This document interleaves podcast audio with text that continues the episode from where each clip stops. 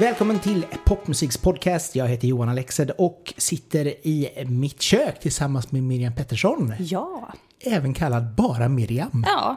Kort och koncist. Det är liksom Cher, det är Liza och det är Miriam. Precis. Varför kände du att just Miriam blev...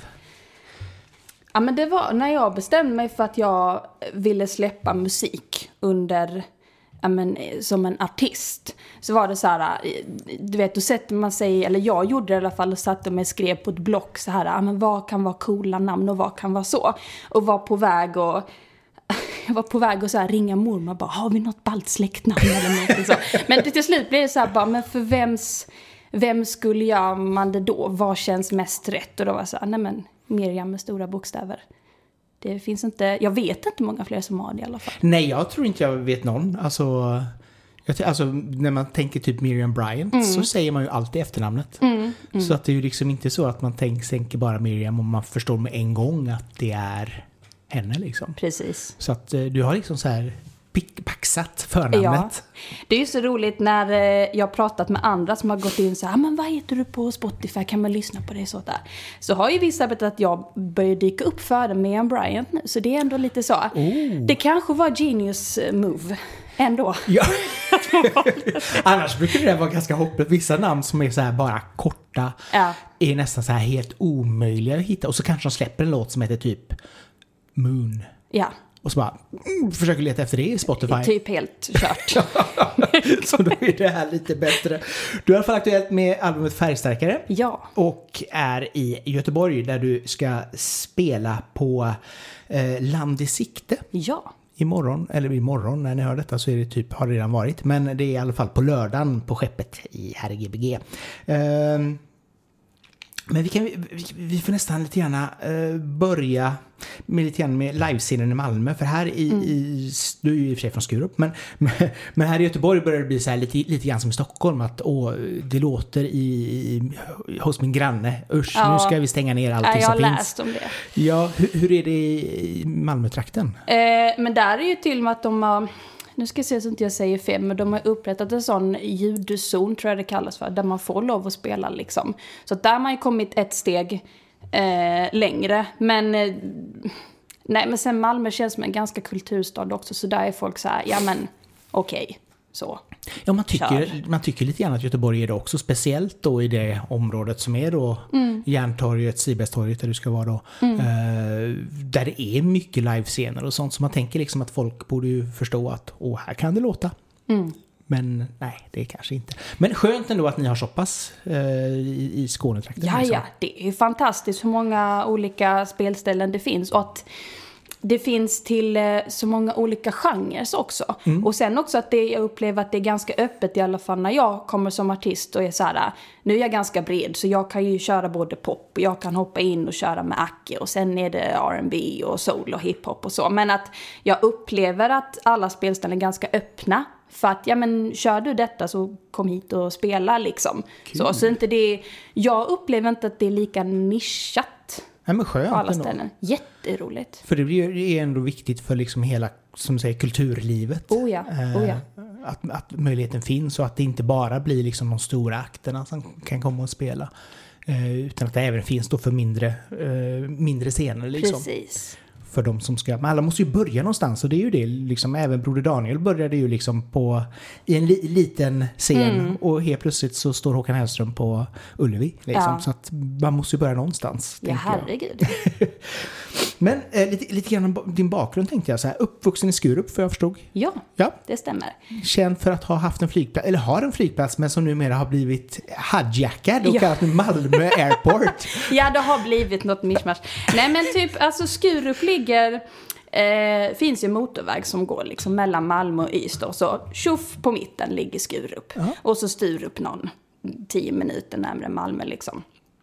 Eh, liten skånsk håla. Så. Det får man lov att säga. Jag säger Ja. det med kärlek. Ja, men alla sådana här småstäderna får man väl kalla för hålor. För man, är man uppvuxen där så finns alltid ett hjärta Ja, som slår för ja. det. Ja, nu jobbar jag dessutom inom Skubbs kommun så att jag, jag känner att jag ändå kan säga lite.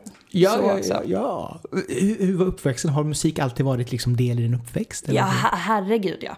Alltså, och det känns så klysch, klyschigt att säga att så här, musik är min grej i livet. Men det var det typ redan från start. Alltså jag har alltid sjungit och kastat mig över alla instrument som har legat framme. Och så gick jag typ på kulturskolan i ett halvår. Men sen tröttnade jag, för jag tyckte det gick för långsamt. För jag var ju så himla van vid så här bara, nej men jag kastar mig över en gitarr och så lär jag mig det själv. Och sen så över ett piano där och sen hade vi trumset hemma i köket. Så satt jag och bankade på det. Det är helt eh, sjukt. Men det låter, alltså om, om du kastar dig över instrument som fanns hemma, Mm. då känns det som att dina föräldrar också jobbade väldigt mycket med musik. Ja, min pappa är musiker och är pianist och eh, spelar hammondorgel. Och sen min mamma är lärare men också jättemusikintresserad. Så att det har ju alltid funnits runt omkring men det är ingenting som jag upplever att det har varit ett tvång att nu ska du göra det för att så, utan bara så här, okej, det här varit, om jag hade hållit på med fotboll hade de varit minst lika stöttande. Ah, okej. Så att varje jul är liksom så ni samlas och så sjunger ni carols liksom och så bara... Ja, det var mest jag som bara, hallå, här är jag, nu har jag satt upp en show och nu ska ni liksom, här när jag gjort en egen version av eh, någon juldänga. Och så liksom. lägger ni 50 öre i skålen där och så får ni höra mig sjunga. Så. Nej, de fick gratis så de kom Ah, okej. undan. Ja. Det var ändå Så gjorde jag liksom. Så bara, men Ja. nu, 50 öre. ja. Men det är ändå härligt liksom att, att man, när man växer upp och man får den supporten ifrån, från föräldrarna. Ja. Eh, Och just det här också att man kan ut, alltså, utforska och försöka hitta sig själv. Ja, Liksom. ja. Vad- Men var poppen liksom det som du fastnade för med en gång? Eller har du liksom... Mm. Jo, men det skulle jag nog ändå säga. Och sen eh, i Skurup när jag var liten så fanns det liksom tre ställen där du kunde pyssla med musik. Det var antingen i kyrkan eller så var det i, eh, nu ska vi se, jag sa tre ställen, nu kommer jag bara två. Kulturskolan.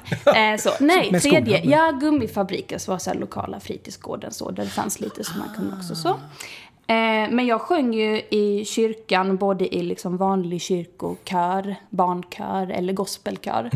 Eh, och sen så var det den här lokala talangjakten som var en gång per år. Då det var så här, nu får du ge allt den i nät för sen får du inte stå på någon scen. På typ ett år, förutom i kyrkan så. Eh, så där var det ju liksom, nej men jag brände av eh, Taylor Swift-låtar. Eh, jag körde någon så här Doris och knäckebröderna-låt, värsta barnlåtar så. Sen körde någon Eurovision-låt någon gång som jag gjorde om i någon akustisk version och så. Så att det, jag har ju alltid generellt pop, ja. Men sen har jag ju plockat från allting jag har kommit över. Som sig bör. Ja, jo, nej, men det, det är väl också så att de flesta blir ju liksom inte enkelspåriga i att det bara ska vara pop. Utan och, och lyssnar man på ditt album så är det ju inte, jag skulle inte vilja säga spretigt, men det, är, väldigt, det är ju väldigt influerat av olika genrer. Vilket gör att det blir väldigt dynamiskt. Vilket jag tycker är ett bättre ord. Eh, för det känns liksom som att du hittar inspiration från flera ställen och någonstans kokar ihop det, men kärnan är pop liksom. Jo men det är väldigt bra beskrivet. Tack. Det kommer jag sno från dig tror jag. ja men du vet jag, ibland har jag känt så att man... Eh, har jag varit för... Eller så här, har jag varit för spretig för att kunna ha det i ett uttryck som artist? I och med att jag känt att jag plockat så mycket. Men jag te- märkte sen när jag började skriva Eh, skriva har jag alltid gjort, men när jag började släppa musik 2020 att jo men det här soundet, när jag släppte min första singel, Paul's Weather Club till exempel, så var det någonting där att okej, så här rätt har det nog aldrig känts. Och att jag märkte att det fanns delvis liksom ett sammanhang i ljudbilden, eh, vad jag sjöng om, hur jag skrev texterna och att det just var på svenska. För det är alltid det språket som jag dragit till mest. Jag har skrivit på engelska men aldrig släppt någonting för jag kände att lite självkritik så, men jag tycker att mitt uttal på engelska är fruktansvärt dåligt. Så då skriver jag hellre låtar som någon annan. Ah, jo, men, det, men det, är väl, det är väl bra, alltså både det här att veta sina begränsningar, för jag menar det är, även om du kan kanske kan hantera orden så är det ju alltid snyggare om någon kan faktiskt uttala det på ett bättre sätt. Verkligen. Det handlar om vad som är låtens bästa. Ja, men lite så. Alltså jag eh, känner ju igen mig i det här, för jag menar det är ju många gånger som man har intervjuer med engelska artister och man känner liksom att Ja, man kan väl kanske göra det en kort stund men jag, inte tillräckligt bra uttal för man måste alltid tänka lite extra Mm. länge liksom. Även om vi ändå har bott i USA så blir det ändå inte naturligt att tänka på engelska Precis. längre. Ja. Så att nej men det är jätteviktigt liksom att, att eh, vara trygg i det man, man jobbar med liksom. ja. Men, men när du skriver dina låtar, vi kan börja lite grann med texterna liksom. För du sa att du hade skrivit hela, nästan hela livet. Vad, vad har liksom inspirerat dig när du skriver? Men det har väl varit mitt sätt att uttrycka mig på och sätta ord på saker som man inte riktigt kan sätta ord på. Och sen har ju musik, om man ska jämföra musik och text så har i 90% av fallen alltid musiken kommit först. Och sen har liksom texten kunnat kopplats på. Eh, varför har jag ingen aning om. Det är bara som bekvämlighetsgrej eh, så. Ehm, Oh, nej, men det är väl, Ja. det är väl logiskt i och för sig. Det är ju många som börjar med musik för att hitta liksom eh, någon, någon form av rytm eller ja, vad ska jag säga i, i det man ska framföra. ja. Så det, men eh, vad var det som fick dig liksom så att 2020, att okej nu, nu har jag liksom en hårddisk med musik, nu är det dags. Men jag tror att jag kände att jag hade en musikalisk grund att stå på. Hade ett hum om i alla fall såhär, okej, okej, den här vägen. Jag hade eh, precis gått eh, klart eh, en eh, utbildning på eh, Furuboda folkhögskola. Där jag gick musikerutbildning i två år där jag hade sång som huvudinstrument och kände att nu har jag en väldigt liksom, bra grund att stå på. Ehm, och sen att jag ville bara testa. Jag har alltid haft en så här strävan mot att ja, men jag vill vara en artist som släpper musik. Men samtidigt vill jag vara någon som skriver låtar åt, eller producerar åt andra.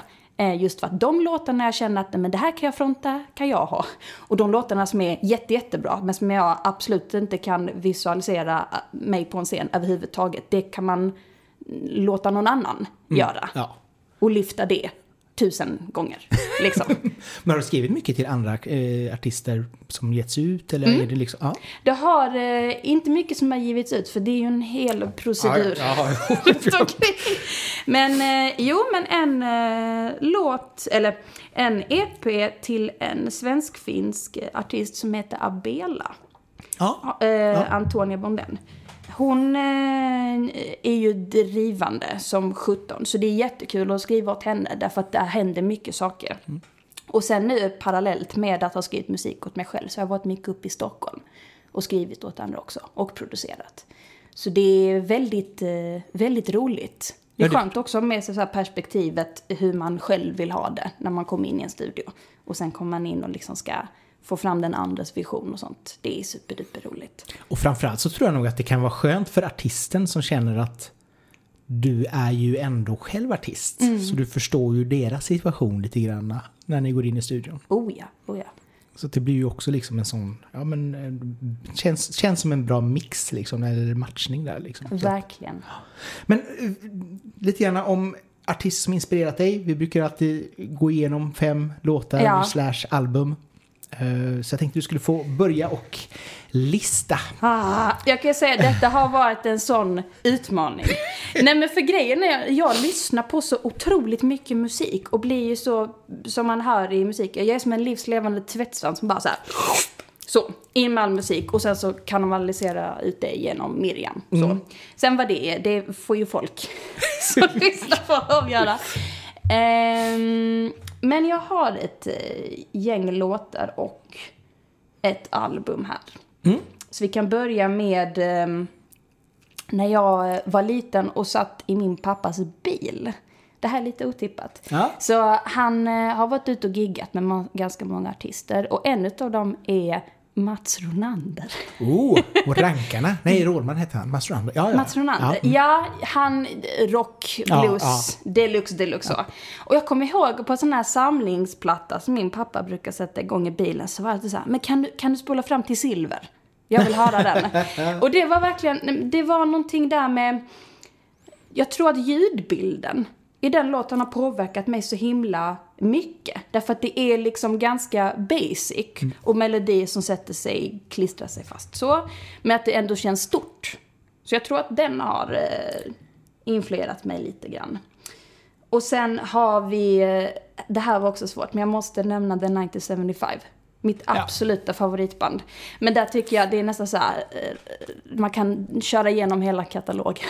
Men är inte det, det är väl också en ganska så spännande utveckling som de har haft? Jätte, jätte. Alltså hade jag varit ett band, då hade jag varit dem. För att det är så...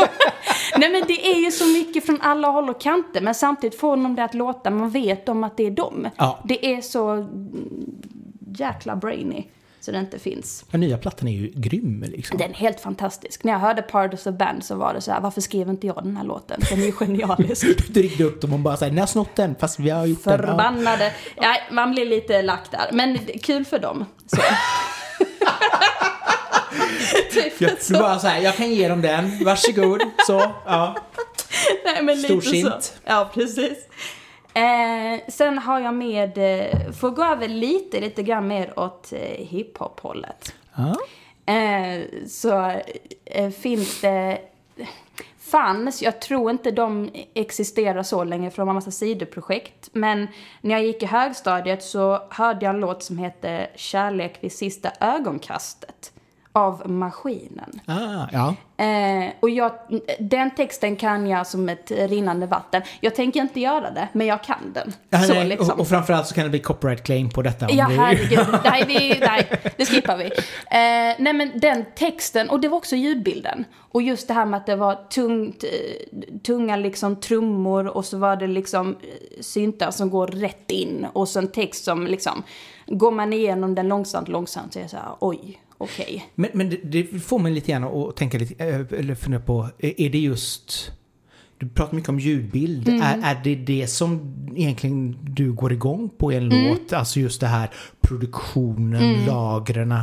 Jo men det skulle jag säga att det, att det känns filmiskt. Nej men Ja. så här, du kan slå igång en låt och du kan antingen i stunden så känner du så här, nej men nu, nu är jag inte här. Jag är här men det känns mer som på film. Eller att man förflyttas till liksom en helt annan plats eller ett helt annat, sin, en helt annan sinnesstämning eller så. Det går jag igång på. Och då är det så här, det är skitsamma vilken genre det är egentligen. Får det mig att känna så, så känns det bra. liksom. Eh, sen har vi, eh, just det, det är också så här bilmusik. När jag var liten och min bästa kompis mamma spelade Robins Body Talk-platta. Oh, ja. Och där var lite så att jag fick försmaken för det elektroniska. Och så när jag fick reda på att hon liksom, eller jag hade typ så här hört i periferin att hon var svensk, men när jag fick reda på det så var det så här, "Åh, men då kan jag också. Det är fantastiskt. Oh, Mm. snyggt. Det är, för det är väl också den grejen man behöver som, Mm. som artist, den här sporren. Gud ja. Har du kommit hit så ska banne mig jag också Ja, göra ja men det. lite så. Så tyckte jag var lite coolt att hon hette Miriam också. Det känns lite så här, oh, it was meant to be. Typ det är bra. Eh, sen sista låten är... Det känns, det känns också lite så som Daniel Adams-Ray har skrivit lite om ens liv. Nu är jag väldigt narcissistisk, men Ja, det det, känns... Ja, det får man vara som artist, för 17. Men han, eh, Michael, tror jag den låten hette. Eller Mikael. Ja. Eh, texten är så här... Ska jag liksom göra någon tolkning på någon svensk låt någon gång så hade den varit rätt så given. För den känns rätt så handplockat ur mitt liv och mina tankar och mina åsikter.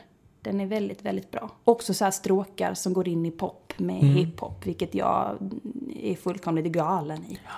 Fast det är väl också det, alltså jag har ju lite svårt för hiphop, men jag Mm. tycker hiphop Ja, är fantastiskt. Alltså det Ja. blir oftast för då, jag måste ju ha melodier. ja. Och det blir inte alltid hiphop, men det kan det bli det då som sagt var hiphop. Och Mm. Daniel Adams-Ray är ju mästare på melodier. Bra melodier, bra arrangemang. Eh, alltså det, så att jag förstår att Mm. det fastnar. Men när det kommer till hiphop, är det främst svensk hiphop som är den som du går igång på? Eller? Ja, Det är rätt blandat, men det har ju blivit mycket mer svensk i och med att jag i början när jag började släppa musik och liksom skapa det här kontaktnätet med producenter så är det ju många som jag känner som är inom hiphop-svängen. Ja. Så där har jag ju plockat mycket ifrån och liksom, jag är ju fortfarande nyförälskad. Jag har ju inte, jag kommer inte ihåg det som att jag har lyssnat mycket på den när jag var liten, utan det har kommit liksom senare när jag gick eh, folkis när vi spelade liksom 90-tal så här. Och jag bara, men herregud, det är sånt här jag vill skriva. Vad är detta för någonting? Liksom, vad har jag missat? Ja, det är fantastiskt man kan upptäcka Jo, musik. och, och framförallt så är det väl också så här, man ska alltid vara öppen för nya musikstilar och nya saker.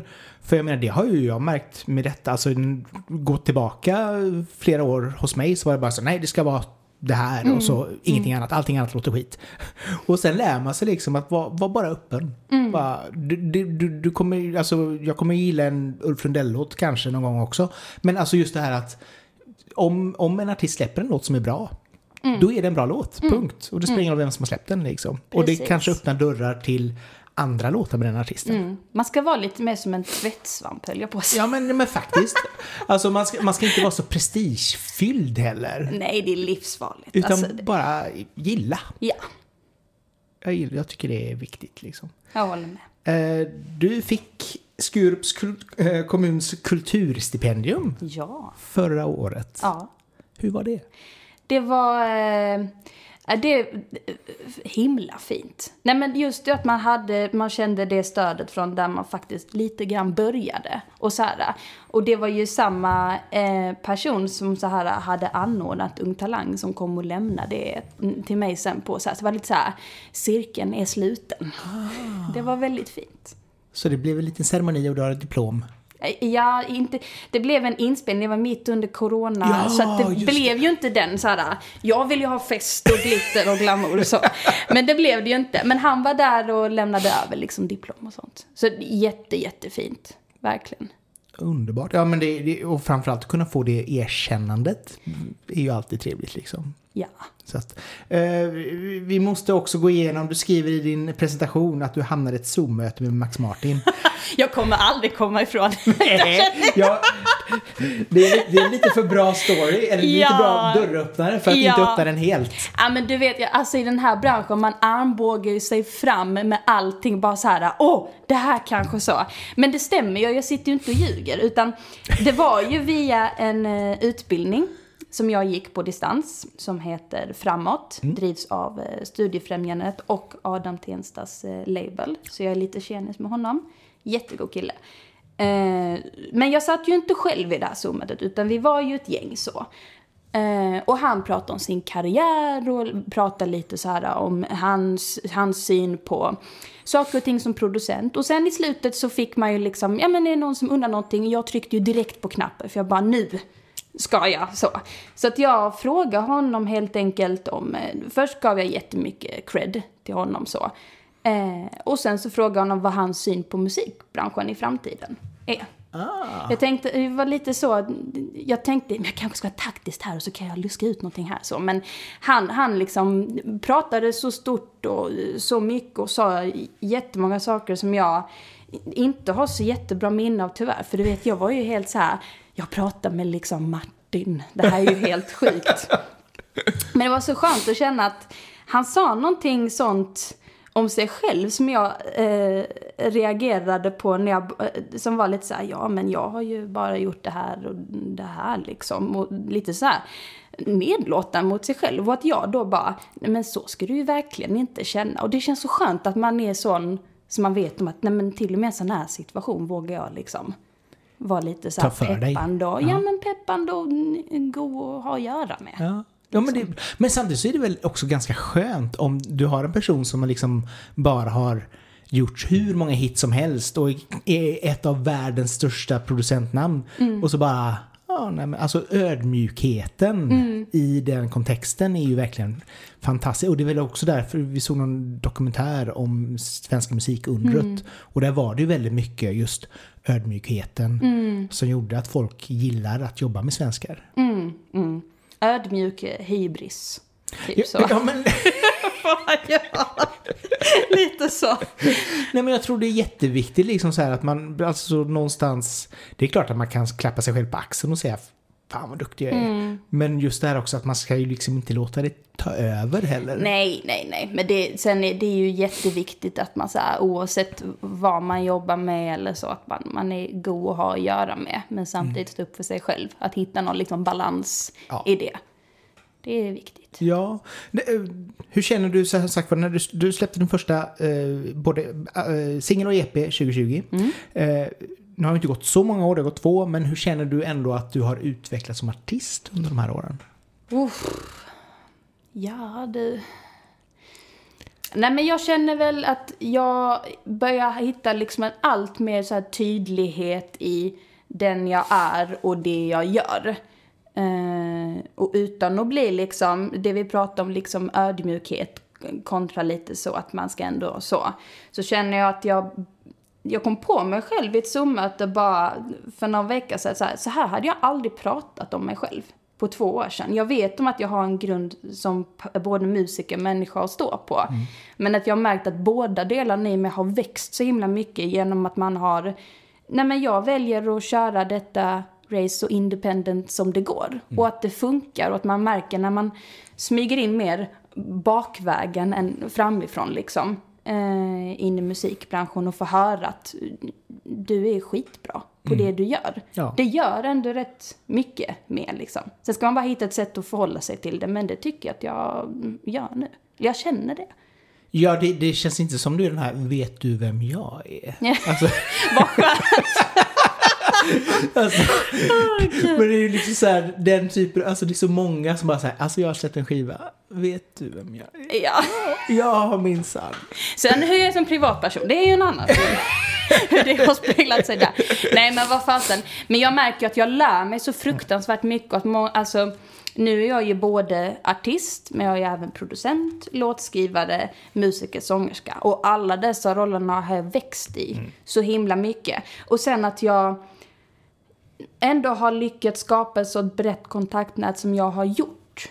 Fast jag inte förrän typ nu har kunnat åka ut och träffa folk. Det är också en sån grej som jag har känt att nej men det här sitter fint. Jo, och samtidigt också så säger det väl kanske lite grann att du inte är den som sitter och väntar på att stekta sparvar ska komma flygande. Nej, nej. Som det heter, utan verkligen bara ut och ta för dig. Ja, ja, men det, det kan man ju inte göra idag. Nej. Då händer ju ingenting. Man måste ju ändå liksom... Och, och jag har ju också haft en så här, alltid en liten motor som har legat där. Men den har ju bara liksom drivit på ännu mer. Ibland måste jag dra ner växlarna lite och dra i handbromsen så. Men att den, jag kan hitta en trygghet att jag vet alltid om att den är igång. Det, och det är skönt att känna så här, ja, nu har jag hittat... Jag kom på ett sånt himla bra ord, så här, kreativt effektiv. Ah, ja. Alltså att man, man, nu vet jag så här, okej, nu, här behöver jag gasa på lite, för det här kan jag inte än och då kanske jag behöver ta hjälp av någon. Men sen ibland så här, jag vet om att jag kan det, jag behöver liksom, så. Man kan chilla. Men det är inte lite tvärtom det här att jag kan det här så nu kör vi. Eller Ja, man får hitta någon kontrast i det också. Man ska ju ha tid att skriva musik också. Nu gör ju jag liksom allt, allt, allt, typ själv.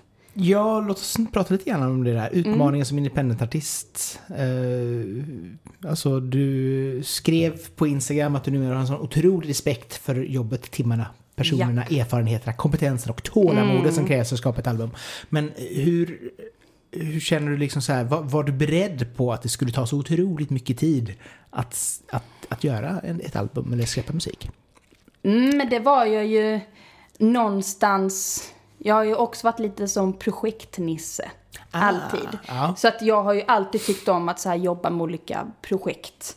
Ehm, men sen är det ju klart, är man, är man relativt grön på någonting, då är det klart att det är jättesvårt. Men jag märkte det redan när jag hade gjort min EP att så här, okej, de här grejerna kan jag. De här grejerna kan jag inte. Eller de kan jag, men det kommer ta så mycket tid och energi som jag kan lägga på annat som jag redan liksom kan. Så.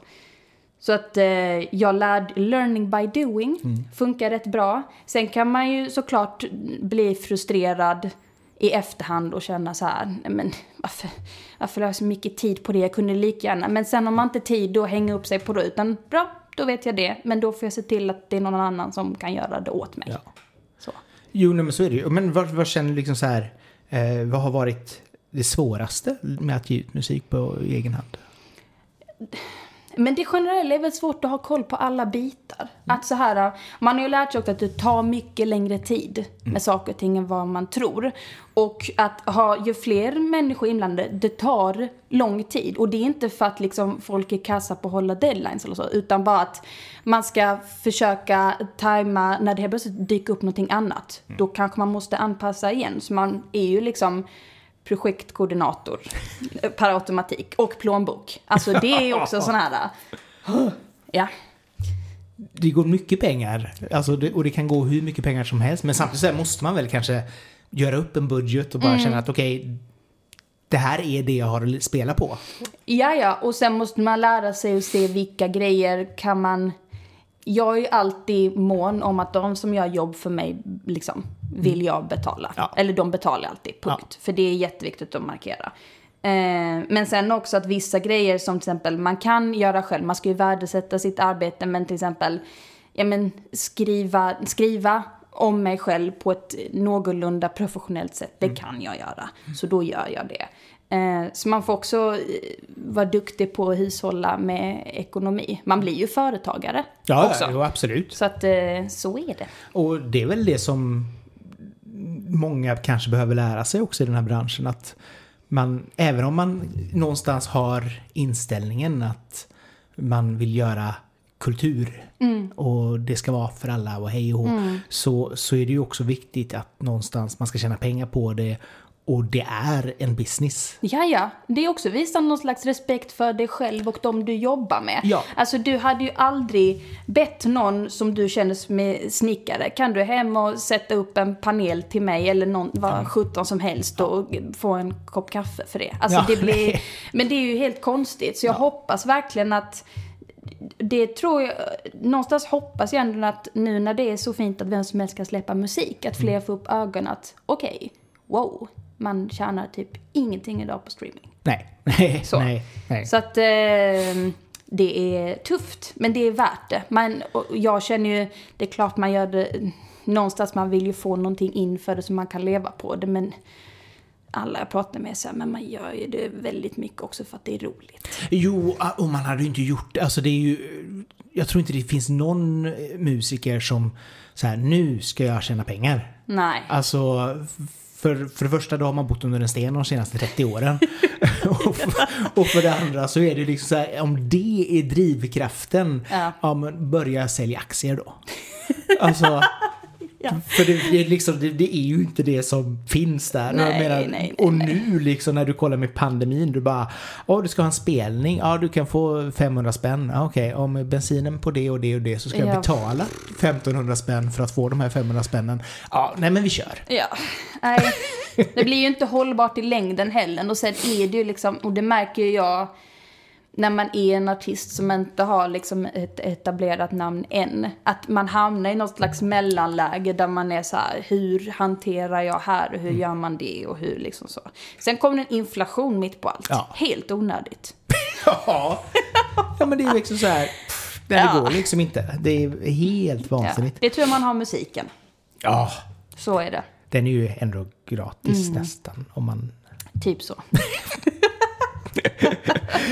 Ja, arbetet med albumet lite gärna. Ja. Eh, vi får ju lite gärna eh, färgstarkare. Mm. Omslaget är ju väldigt vitt. Det är väldigt vitt. Det är en sån liten contradiction när man hör det. Men berätta lite grann om bakgrunden till eh, omslaget. Alltså tanken från början var egentligen att vi skulle ha eh, lite inspiration av The 1975 faktiskt. Alltså så här minimalistiskt och mäktigt och någon liten färgklutt här. Och det fanns en vision om att, eller jag hade en så stark vision om en logga. Där liksom det skulle finnas tio stycken mindre liksom färgcirklar med alla låtarnas färger. För man skulle visa så här eh, the circle of life, lite så. Men sen när eh, Nils Sjöholm, som är min fotograf, eh, skickade bilderna och jag såg den här bilden så var det så, jag kan inte släppa det här albumet om det inte är omslaget, för att det är liksom, det är så mycket Miriam. Det argumentet håller jättebra. det är så mycket mer. Nej men sen var det också, jag läste ju på om färgerna och gjorde min research där och färgen vit innehåller ju alla färger. Så det är ju någonting metaforiskt som jag också tycker om att jobba ut efter. Att det ska vara minimalistiskt och mäktigt, men metaforiskt. Mycket M. Mm, ja. Mycket M. jo, nej, men det, också, det är ju väldigt snyggt med de här kontakterna. Mm. Det, jag antar att det är mikrofonkontakter som Mm. är mot dig. Liksom så här, att det blir ju, ja, det, det ramar in Mm. dig på något sätt. Kopplar in människan i musiken. Ja, Mm. så kan man säga. Så att, ja, nej, men jag tycker det, det är liksom så här. Det blir både det här att det är en liten motsägelsefullhet med, all, med omslaget Mm. kontra titeln. Men också som du säger, liksom att det blir ju väldigt eh, stilig bild liksom. Väldigt stilistiskt och snyggt. Och Mm. Tack lite, lite futuristiskt till och med. Ja, ja men jag dras till den eh, viben. Ja, jag gillar det. 2001 fast bra. Mm. Var det självklart att du skulle göra ett album? Ja, det var det. Men sen var det ju också det att jag, jag visste ju så, okej, man släpper singlar, sen släpper man EP, sen släpper man album. Så. så jag fick ju utgå ifrån det. Och parallellt med att vi skrev EPn så hade ju dykt upp demos som jag kände inte riktigt var inom den världen som EPn var på. Så då var det så att i, ska vi se, jo men januari där 2021, ja men nästan två år sedan så åkte vi, jag och Hugo och Johan, mina medproducenter, ut till en stuga i Skåre under en helg och så började vi fila och märkte att det finns något samband mellan de här grejerna. Och så liksom under, ja men från januari där fram till maj, juni, juli typ. Så skrev vi hela albumet.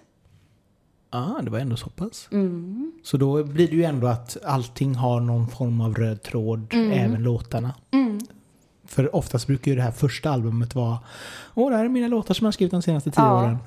Ja men det var ju, det, fär, alltså namnet Färgstarka kom ju ganska snabbt till mig så.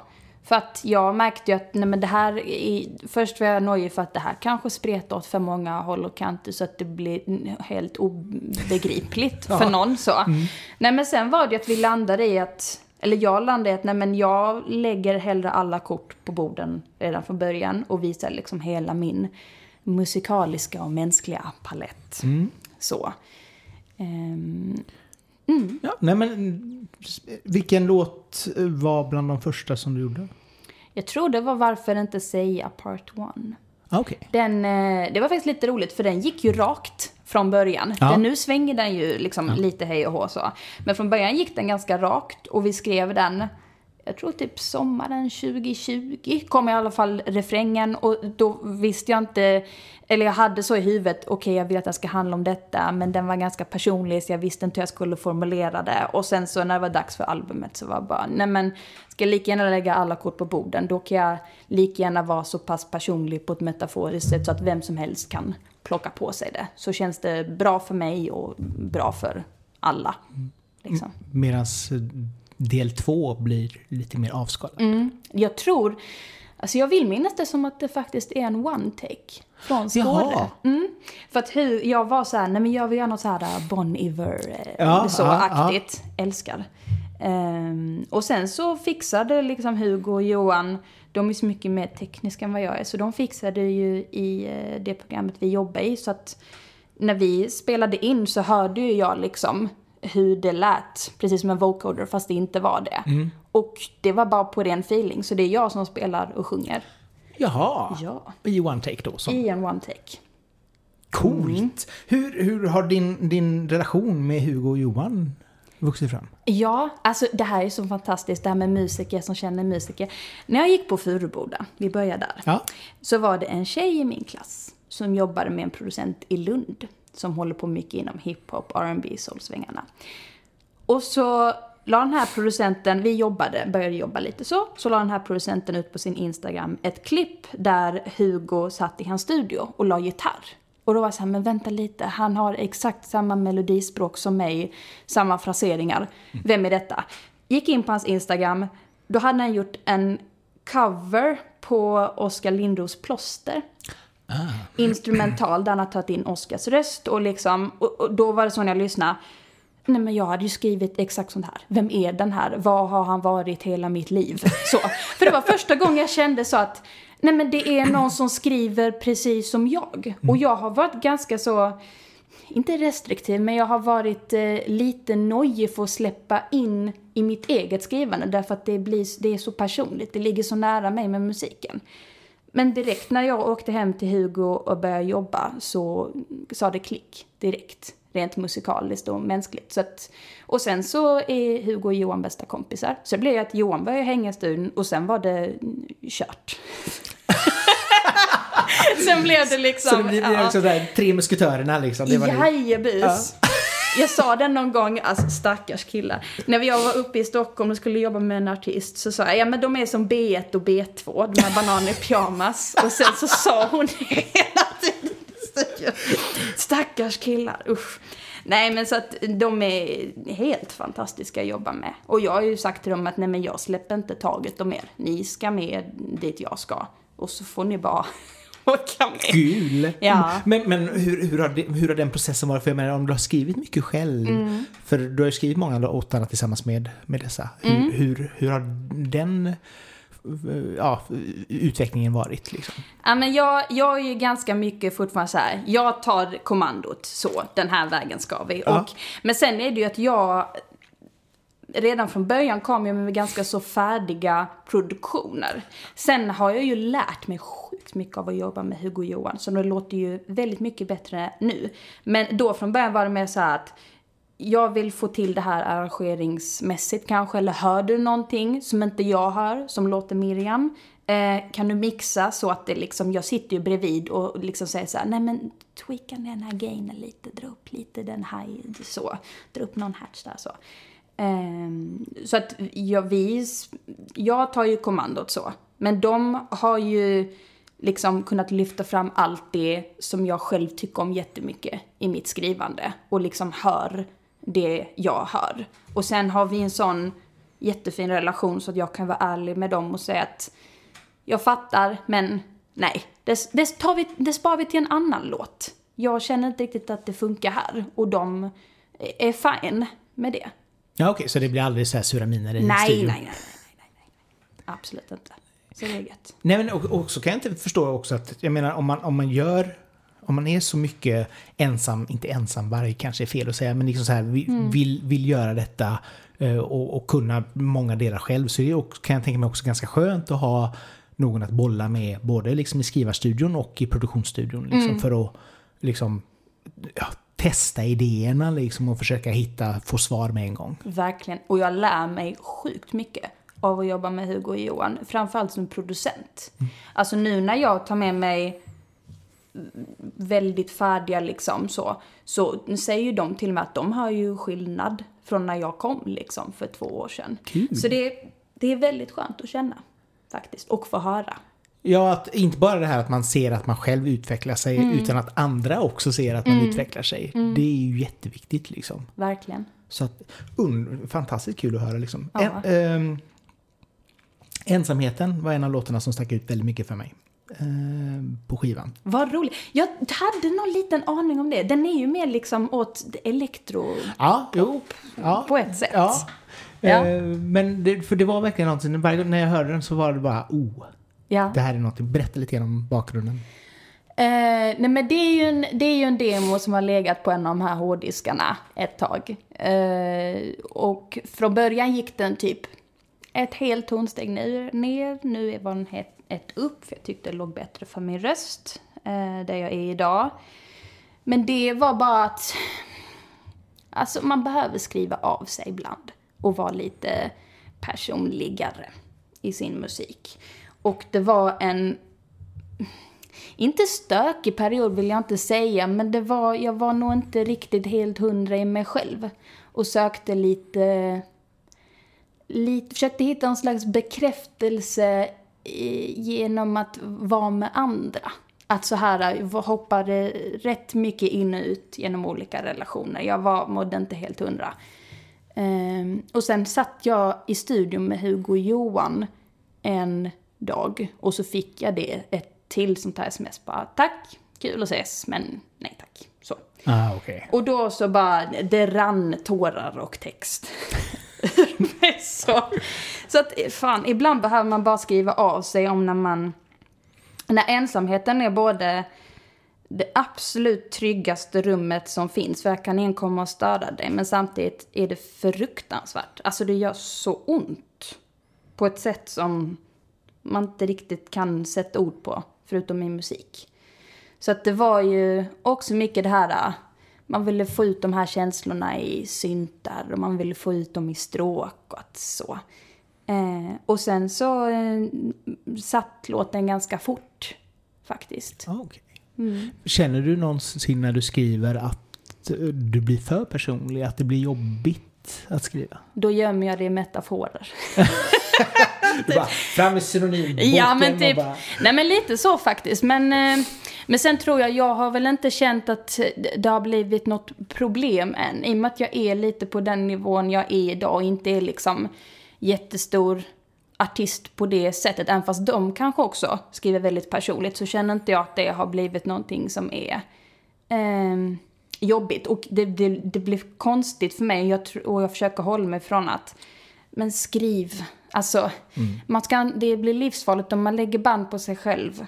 Eh, vill jag skriva om att åka runt på en voj och vara skitsur på någon. Eller skriva om typ så här, nej men verkligen vara öppen med att även fast jag kan verka vara stor och stark så är man inte det. Nej. Allt i alla lägen. Eller perioder. Jo, det är väl också någonstans, alltså att säga någonting rakt ut till någon vid, vid ett samma tillfälle kan ju alltid vara lite jobbigt. Mm. Men att kunna formulera det i sång mm. och sjunga det uh, och ändå sätta liksom ord på det man känner. Mm. Det kanske är lättare. Och alltså all, all sätt att uttrycka sig och visa sig sårbar är ju mm. viktiga.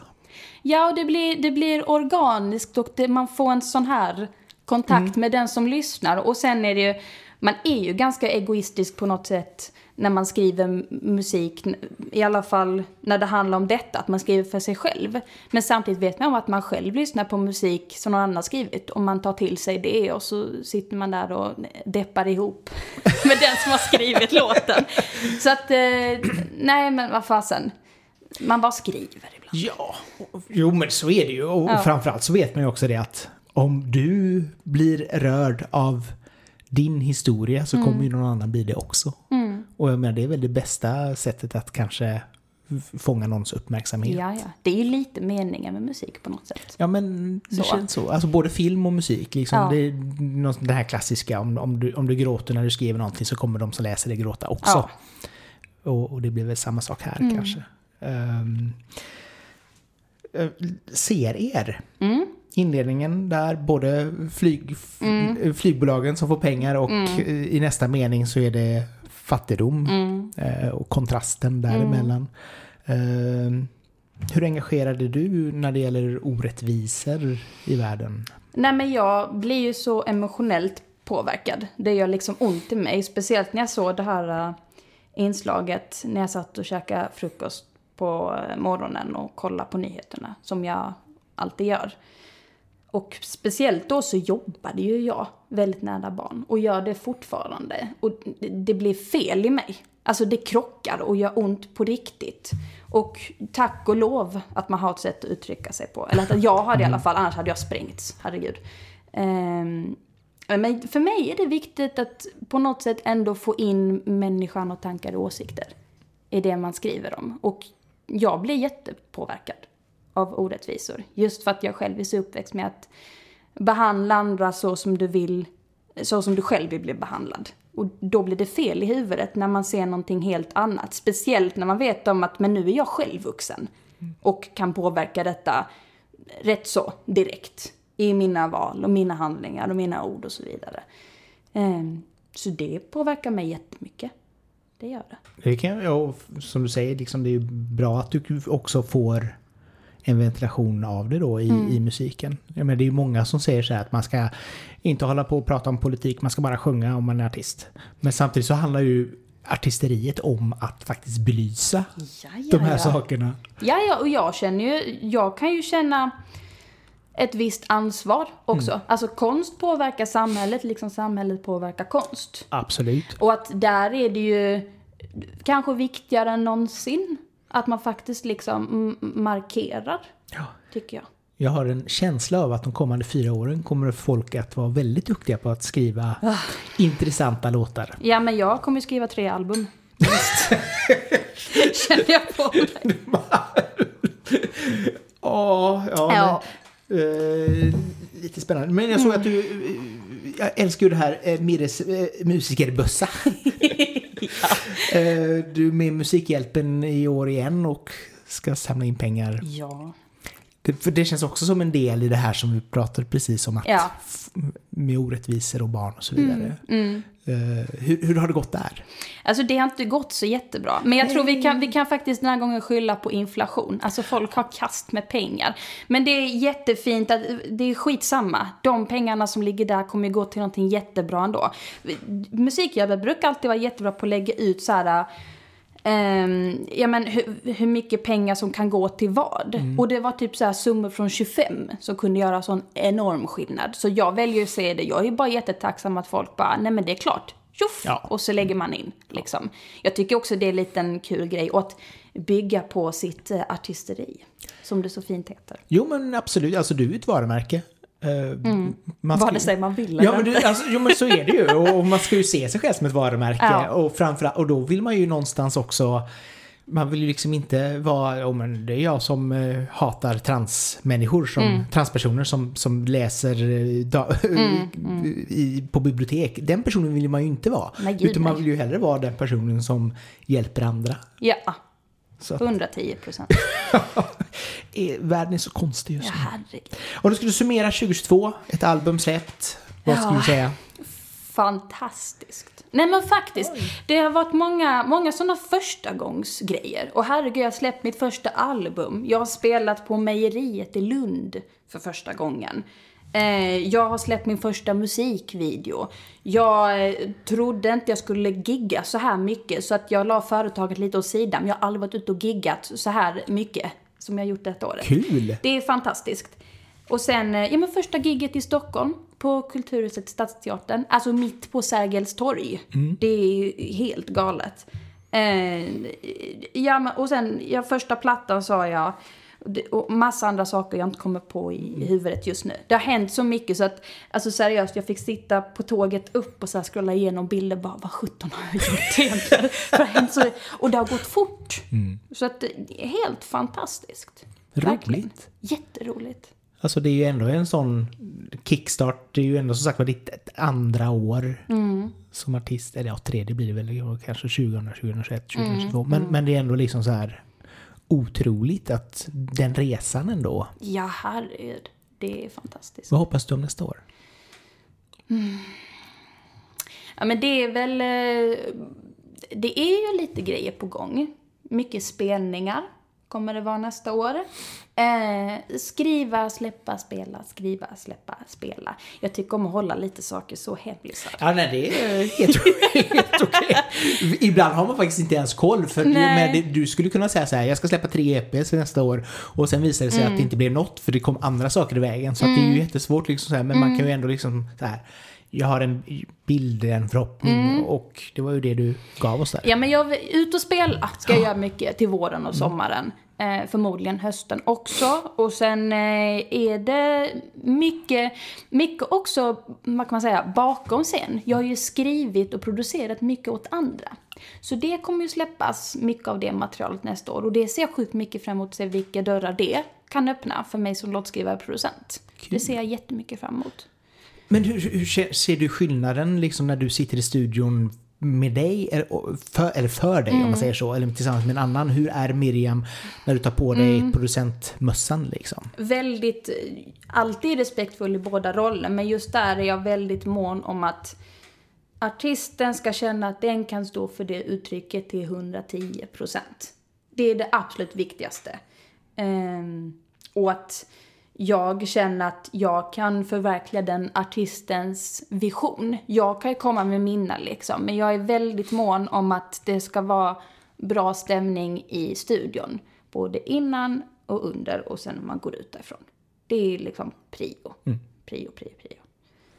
Ja men det är ju viktigt också att känna att man har både, både stöd och framförallt att man har både respekt, stöd och, Oh, ja. och, och kunskap i det fallet också Oh kanske. ja, oh ja. Så att, eh, vad skulle du säga är din mer liksom i just yrket som producent, är din liksom USP? Vad, Ja, men det är ju arra- arrangeringen och liksom så jobbar jag fortfarande mycket när jag producerar. Att precis som man sätter sig och skriver en låt framför piano eller sitter och spelar på gitarr så använder jag mig av musikproduktion för att skapa ett arrangemang och liksom ja, men en låt. Mixa har jag inte riktigt kommit igång med förrän nu. Eh, och mastering får någon annan jättegärna. Men också det för att man behöver andra öron som kan höra och liksom göra en objekt, liksom, en bedömning om att ja, men det här behövs för att det ska låta så bra från så många ljudkällor som möjligt. Så. Ehm, så det är väl mest det att man sitter och skriver. Alltså använder sig av musikproducerandet som ett slags låtskrivarverktyg. har du någonsin varit så här bara så här... Eh, och vi, vi, måste, vi måste ha det här soundet eller det måste vara det här. För att försöker du så här pracka på den stackars artisten bara så här, det ska låta så här. Ja, man försöker ju ändå sälja in. Men sen är det också att märker man så att nej men det landar inte. Så det var faktiskt när jag jobbade med en annan producent som sa den regeln som jag själv har liksom så här jobbat mycket efter. Att det sparar man till en annan låt. Och den tycker jag är jättebra därför att det är så här, ja, okej, man lämnar egot där och liksom den idén får hamna där istället. Så. För det hade inte känts bra med mig om jag hade vetat om så att oh, det hade inte känts bra för den artisten att liksom jobba med mig. Det hade inte känts, nej, usch, det hade inte känts bra. Nej, och framförallt så är det väl, det är väl den här li, lika respekten för den andra personen också. Liksom att bara, ja, som du säger, Oh, ja. släpp egot och gå vidare. Ja. Sen kan du bara sno idén och bara lägga den i nästa låt. Och Men det är bara, därför jag har artisteriet, då kan jag bara, nej men hallå. Ja men exakt, så bara så här, åh vem var det som fick en topplisteplacering? Var, var det du eller var det jag? Det var jag, det var Åh jag. herregud, ja ja ja. Underbart! Ja. Tack så jättemycket Miriam för att du kom hit Ja, och ville tack. prata lite gärna med mig. Ja men tack själv. Och hoppas att ni som har lyssnat har haft det lika trevligt som vi har haft det här. Eh, som vanligt, dela gärna eh, avsnittet till era vänner och på sociala medier så att fler hör det och prenumerera gärna på podden så får ni nästa avsnitt direkt ner i er poddapp. Men från ett crisp and dreadly cold Göteborg så säger jag och Miriam tack och hej! Tack och hej. Hejdå! Hejdå.